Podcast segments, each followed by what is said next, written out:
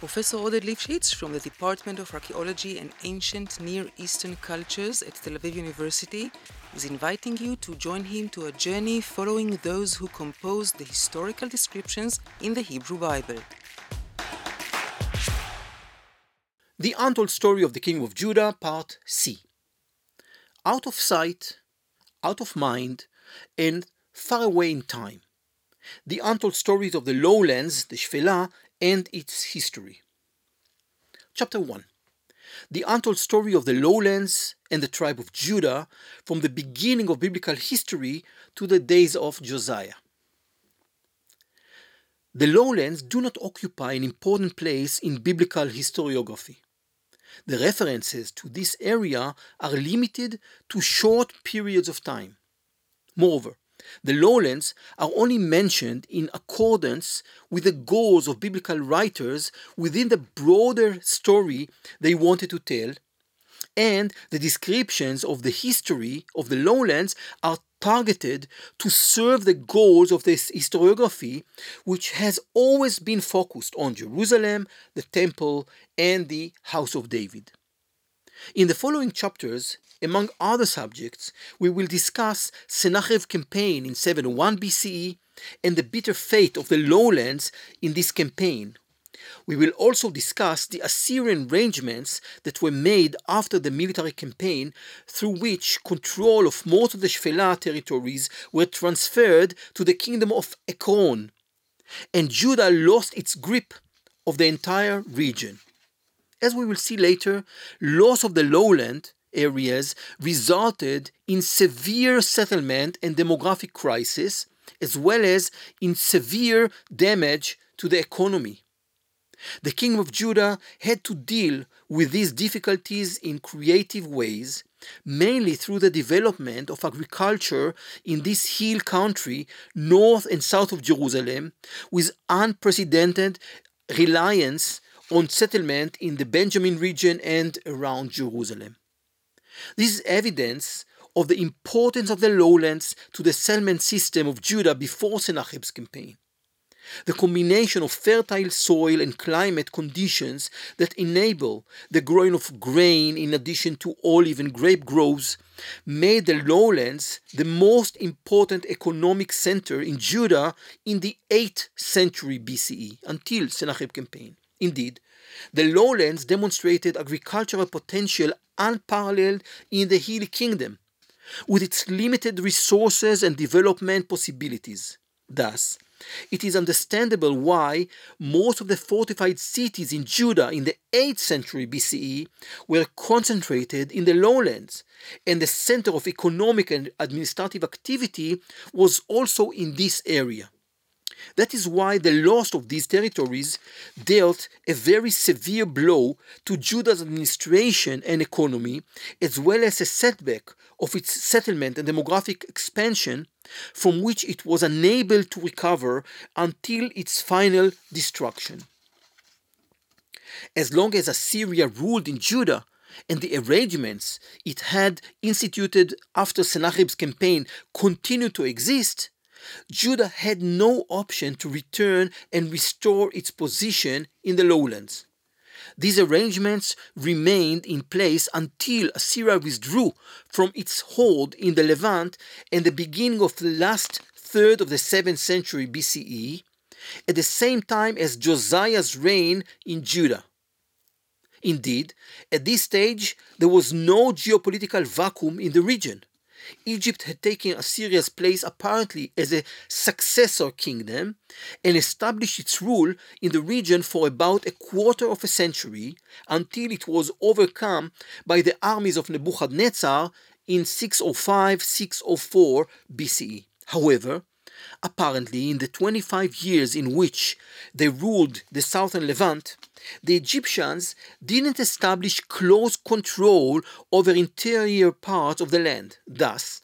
after the Assyrian withdrawal and the cancellation of the arrangement that the Assyrians made in Judah in general and in the lowlands in particular, Judah would have some room for maneuver and could return and take control of the lowlands. The starting point for the discussion in this chapter is that at the end of the days of the first temple, during the reign of King Josiah, and after Assyria withdrew from its control over the entire Levant, Judah was able to return to control the lowlands following a period of about 70 years from 701 BCE Assyrian uh, military campaign to the Assyrian withdrawal from the, all its holdings in the Levant in the 630s. The settlement, administrative, and economic recovery in the lowlands began only after Assyria withdrew from the area. However, it was only partial. Judah didn't regain the former power of the settlement and didn't realize the economic potential in the lowlands that it had in the 8th century BCE, when the local population of the lowland thrived, agricultural flourished, olive oil production was at its peak, and Judah could profit from its control over the area. In the days of Josiah, a new phase began in the history of the region this was the stage when Lachish was re-founded and Azekah was also rebuilt to become an important administrative center in the central lowlands. However, even after the restoration of the lowland, even after it began, in the last third of the 7th century BCE, its population had shrunk substantially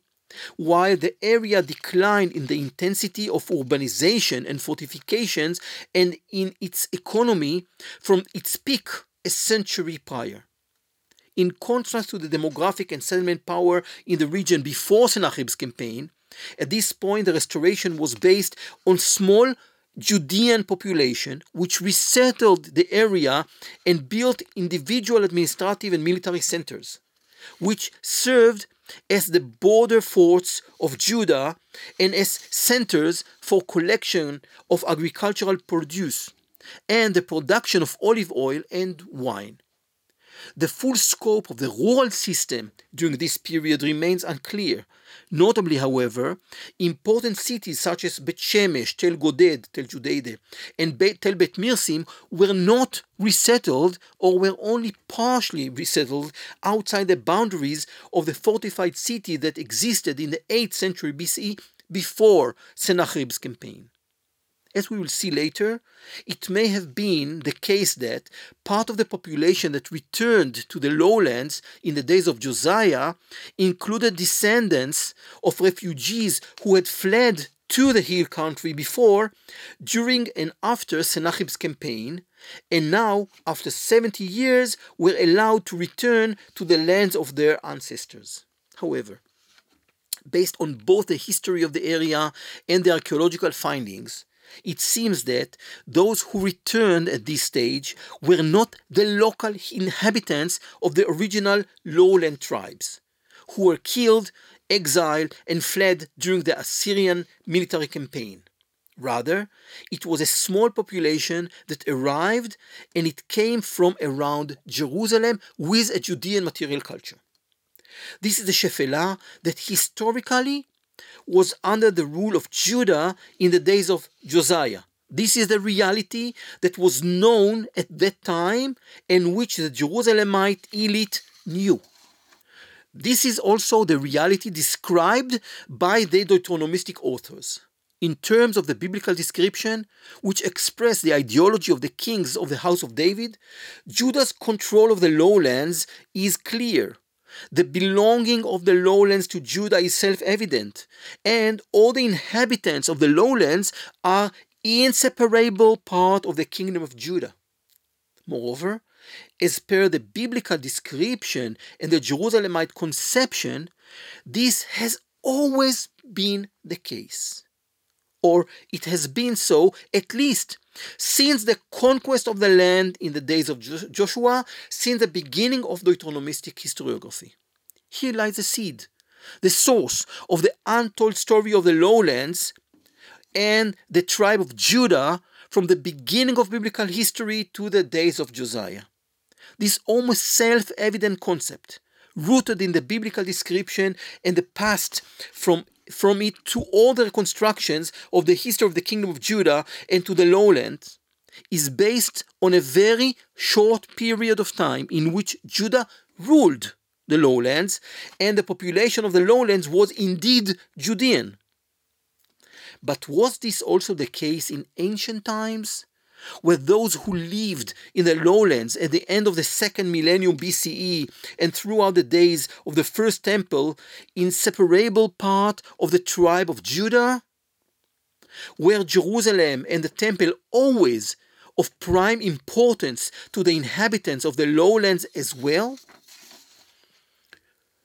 The source of this historical reconstruction is the list of cities of the tribes of Judah and Benjamin in the book of Joshua, which most scholars agree on dating to the days of Josiah. In chapter 15 in the book of Joshua, within the list of cities of the tribe of Judah, the most detailed list of cities of the lowlands is given, in a sequence of three geographical divisions which are within a well defined district whose name is given at the beginning of the list in verse 33 and which stipulates that all the cities in these districts are located in the lowlands, the Shfela. In the first division, verses 33 to 36, 15 settlements are mentioned However, the summary in verse 36 includes 14 cities with their villages, most of which are well identified and are located in the north of the lowlands around the central streams, Nahal Sorek and the Elah stream, which cross the lowlands from the east to the west and created fertile valleys. Among the settlements that belong to this division are Eshtaol, Tzor'ah, Zanoach, Yarmut, Adulam, Socho, and Azekah. The second division, in verse 37 to 41, includes 16 settlements, including Lachish, Botzkat, and Makedah, but only a few of the settlements that are included in this group are identified with certainty. The third division in verses 42 to 44 includes nine settlements, including Keilah and Marisha the importance of the lowlands within the economic and administrative system of Judah is also expressed in the natural way in which it became an important district within the realm of the kingdom, as mentioned during the brief period that lasted at most about 50 years, beginning no earlier than the days of Josiah in the 630s and continuing until the destruction of Jerusalem in 586 BCE. Apart from the list of cities in the book of Joshua, the division into the kingdom's districts, which include the lowlands, is described in exactly the same way in, area, in the areas of the land conquered by Joshua. The description in Joshua 10, verse 40, and in other places in the book of Joshua notes that Joshua defeated the whole land, the hill country and the Negev, and the Shephelah and the slopes, and all their kings. Also, the prophet Jeremiah, who lived in the exact in this exact time period, also describes similarly the geographical and administrative division of the kingdom. Thus, for example, in Jeremiah 17, verse 26, it states, And people shall come from the cities of Judah and the places around about Jerusalem, from the land of Benjamin, from the Shphelah, from the hill country, and from the Negev while in verse in, in chapter 32 verse 44 the reality of that period of time is described with ex- expectations for the future. I'm quoting fields shall be bought for silver and deeds shall be signed and sealed and witnessed in the land of benjamin in the places about jerusalem and in the cities of judah in the cities of the hill country, in the cities of the Shfela, and in the cities of the Negev. End of quote. It can be assumed that during this period, the administrative division into six districts of six geographical regions was common in Judah, which included the Negev, the hill country, the lowlands, the eastern margins, the region around Jerusalem, and Benjamin. Evidence for the importance of the lowlands is also expressed in the fact that two of the kings who reigned at the end of the First Temple period married women from this origin. Amon, Josiah's father, married a woman from Botzkat, and this we can be read in Second Book of Kings, chapter 22, verse 1. His mother's name was Yedidah, the daughter of Adaiah of Botzkat. A settlement named Botzkat, located according to the list of cities in the book of Joshua near Lachish. Also, Josiah married Chamutal, the daughter of Jeremiah of Libnah, a city in Shfela, who was the mother of Jehoahaz, the king after, and of Zedekiah, the last king of Judah. From the perspective of the days of Josiah, when Judah ruled the lowlands and the lowlands comprised an integral part of the kingdom's territory, the written description, which uh, was also accepted naturally by most scholars, presented the lowlands as always having been part of the kingdom of Judah and their inhabitants as an inseparable part of the tribe of Judah since the establishment of the kingdom. This means that the tribe of Judah not only controlled a broad territory which stretched from the south of Hebron hills to the region north of Jerusalem, but it also included geographical divisions that were far from the hill country. This was never the geopolitical situation that prevailed in the area, and it is contrary to all the historical reconstructions based on the written sources mainly from the end of the second millennium BCE, and it is also contrary to the reconstructions based on the archaeological research. Moreover, in all these biblical descriptions, the Shfela is described as a single geographical division, despite the fact that it includes subunits with different characteristics, different urban centers, different neighbors to the west and to the east, and apparently a different history as well. Thus, the Sorek Valley in the north, which housed the important center in Bet Shemesh, is a well-defined geopolitical unit with clear borders located between hilly ridges that surrounded it from the north and from the south. It is geographically close to Jerusalem to the east and is connected to its uh, to it through the road that descend from the hill country mainly through Nahal Sorek. To the west of this valley are the cities of Tel Batash, biblical Timnah, and Tel Mikne, biblical Ekron, which are at the edge of the lower lowlands on the border of the coastal plain. The Elah Valley is at the center of the lowlands, with the city of Azekah in the center. About seven kilometers west of Azekah is the city of Gat, Tel Etzafi, which was built on the banks of the Elah stream on the border of the low lowlands and the coastal plain. This valley was of great strategic importance as one of the main entrance gates to the hill country from the west. Indeed,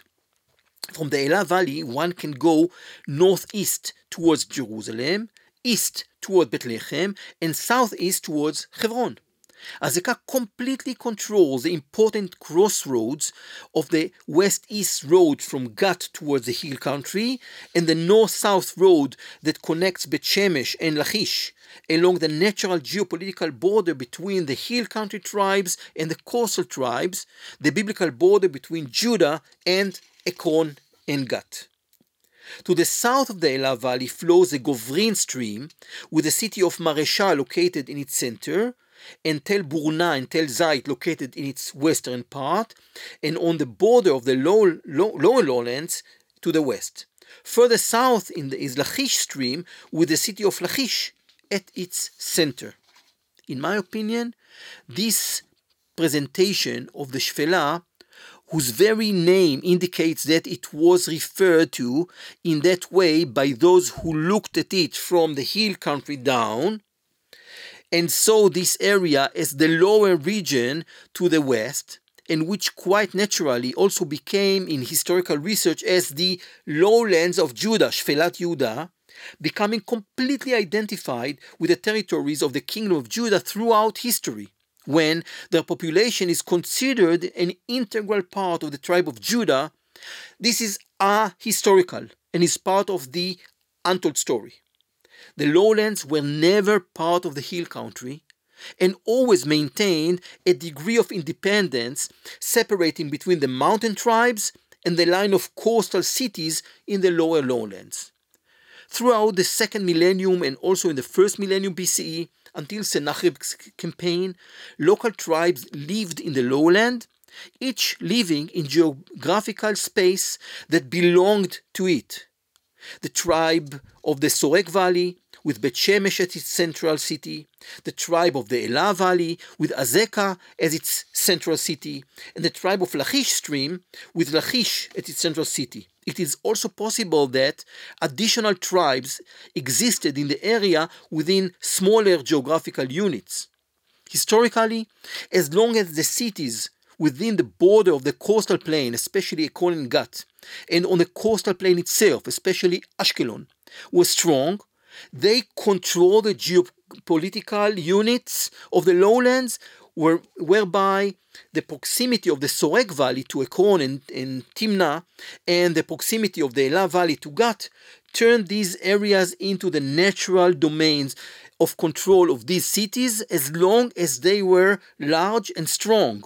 Lachish which was a little further from the large and powerful cities of the lowlands border and the coastal plain, Lachish and Ekron, and closer to the mountain tribes in the Hebron region, could tie its fate with the mountain tribes more easily than Bet and Azekah, which were very close to Ekron and Gat. It is also possible that additional tribes existed in this space in between them, and their loyalty was uh, dependence on who was stronger. When the great cities of the low lowlands and the coastal plain became weaker, the cities of the lowlands could grow and become stronger, each in its own time. On the other hand, when the cities of the coastal plain, Ekron and Gat, were weakened, and when the hill country tribes with their urban centers in Hebron and Jerusalem grew stronger, they could take control of the lowland areas, take advantage of the economic resources of these areas, and establish the central cities, Bet Shemesh, Azekah, Lachish, at the western border in facing the coastal region. If we return with this understanding of the history and geopolitical nature of this region to the biblical description,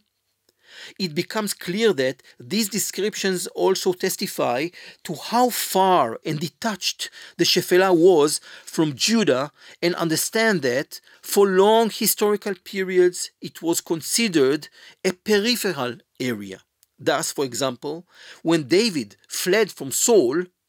he and his loyalties found refuge in the lowlands in the area between Keilah and Adullam, far away from the hands of Saul and his men in the hill country, and we can read about it in the first book of Samuel, chapter 22 and 23.